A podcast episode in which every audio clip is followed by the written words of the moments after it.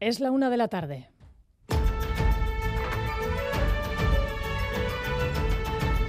Crónica de Euskadi con Aichiber Bilbao.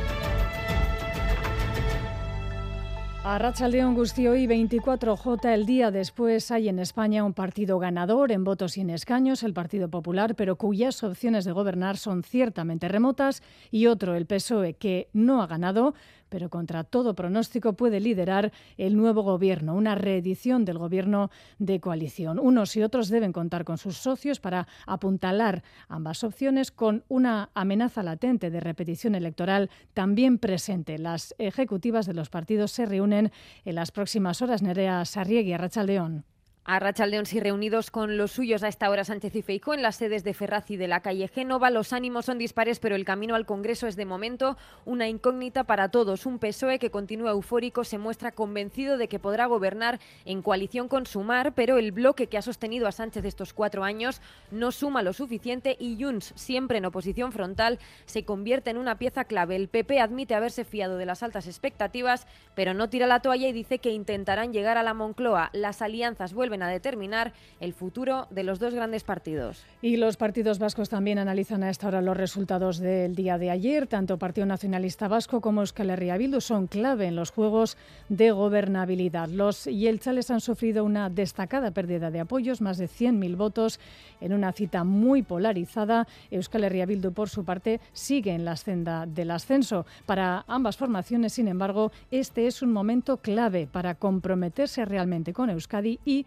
para parar a la ultraderecha. Escuchamos a la presidenta del Vizca y Borubachar, Ichaso Atucha, y también al coordinador general de Euskal Herria Bildu, Arnaldo Otegui se le abre una necesidad absoluta de ir planteando seriamente decisiones más estratégicas que las puntuales que hasta ahora iba tomando sobre Euskadi y Cataluña. Ya era hora, le va a ser indispensable. Una ventana de oportunidad sigue estando abierta, por lo menos en términos hipotéticos y en términos teóricos. Sabemos que es difícil, sabemos que la aritmética es la que es, pero nosotros y nosotras pensamos que esto sigue siendo posible.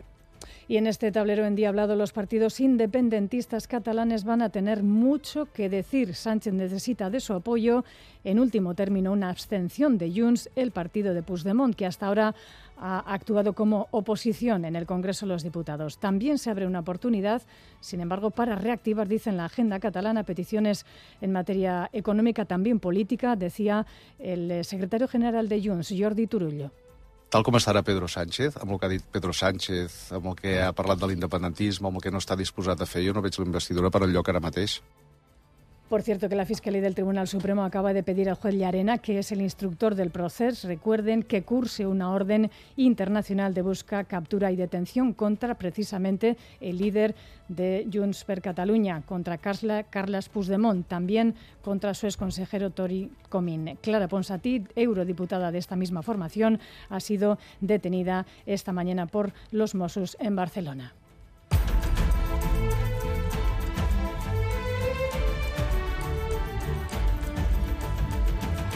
Más asuntos que nos deja esta jornada. Hemos sabido que dos agentes de la Archaincha han sido agredidos ayer en Gasteiz por un grupo de personas. La patrulla recibió una paliza por sorpresa cuando intentaba socorrer a una persona tirada en la calle en la zona de Aldave, de la capital alavesa. Los sindicatos de la Archaincha dicen que se está perdiendo su autoridad y piden medidas, Rodrigo Manero, como generalizar el uso de las pistolas Taser. Sí, al menos eh, seis personas dieron una paliza a los dos agentes que pretendían ayudar a un hombre que parecía necesitar ayuda. Este se revolvió y sus amigos atacaron por sorpresa a la patrulla, que no pudo reaccionar ni pedir refuerzos. Tienen golpes y varias lesiones, como labios y cejas rotas. De momento solo se ha detenido a dos de los agresores. Los sindicatos de la Archancha piden más contundencia judicial y que todas las patrullas lleven Taser, la pistola eléctrica, para inmovilizar y defenderse mejor en situaciones así. En la actualidad de la cultura, el trompetista y compositor italiano Enrico Raba recibe el tercero de los premios Donostiaco Jazz al Día. Se trata del músico de jazz italiano más conocido a nivel mundial. Tras su rápido acceso a la fama internacional en los años 60, se ha convertido en uno de los músicos más activos e inquietos del panorama jazzístico. Seis décadas de carrera profesional, está considerado uno de los más importantes solistas de trompeta, al que precisamente vamos a poder escuchar esta noche en la Plaza de la Trinidad en Donostia. Miguel Martínez, el director de Jazz al Día. En la Plaza de la Trinidad tendremos a probablemente uno de los músicos europeos más importantes, un gran trompetista como es Enrico Raba, al cual eh, le concedemos también este año, junto con eh, Abdul Ibrahim y Yosuke Yamashita, el premio eh, Donostia Goyas al Día, porque realmente se lo merece.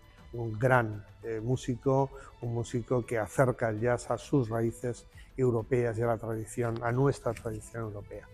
Vamos ahora con los titulares del deporte. La jornada Sier Carega, Racha León. A Racha León con fútbol, porque la Real va a presentar en unos minutos a Mari Traoré, lateral derecho maliense de 31 años ha llegado libre procedente del Rennes y ha firmado hasta 2025. Una Real que tras caer por 1-3 en la Euskal Herria Chapela ante Osasuna el pasado viernes afrontará mañana su segundo amistoso de la pretemporada en Lisboa ante el Sporting de Portugal. Y otra presentación en Vitoria, el Deportivo Alavés ha presentado al delantero Giuliano Simeone. El hijo del Cholo llega cedido por parte del Atlético de Madrid y en la última temporada ha brillado en el Real Zaragoza con nueve goles y tres asistencias. En cuanto al tiempo, ya lo habrán notado, las temperaturas hoy han sufrido un importante descenso. Las máximas se van a quedar en torno a los 22 grados en la mitad norte, hasta los 25 en el sur de Euskal Herria. Los cielos estarán muy nubosos y en la vertiente cantábrica podría también llover. Tenemos ahora 22 grados en Iruña, 21 en Bilbao, 20 en Vitoria-Gasteiz, también en Bayona y en Donostia 19 grados. Y en las carreteras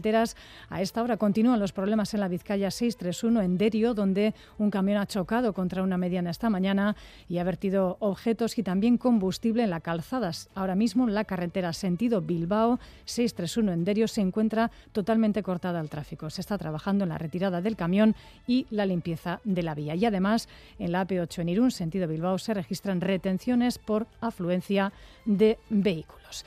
Vamos a comenzar con esta crónica de Euskadi. Gracias por elegir Radio Euskadi Radio Vitoria para informarse en la técnica Jorge Ibáñez y Joseba Urruela y en la coordinación Imanol Manterola.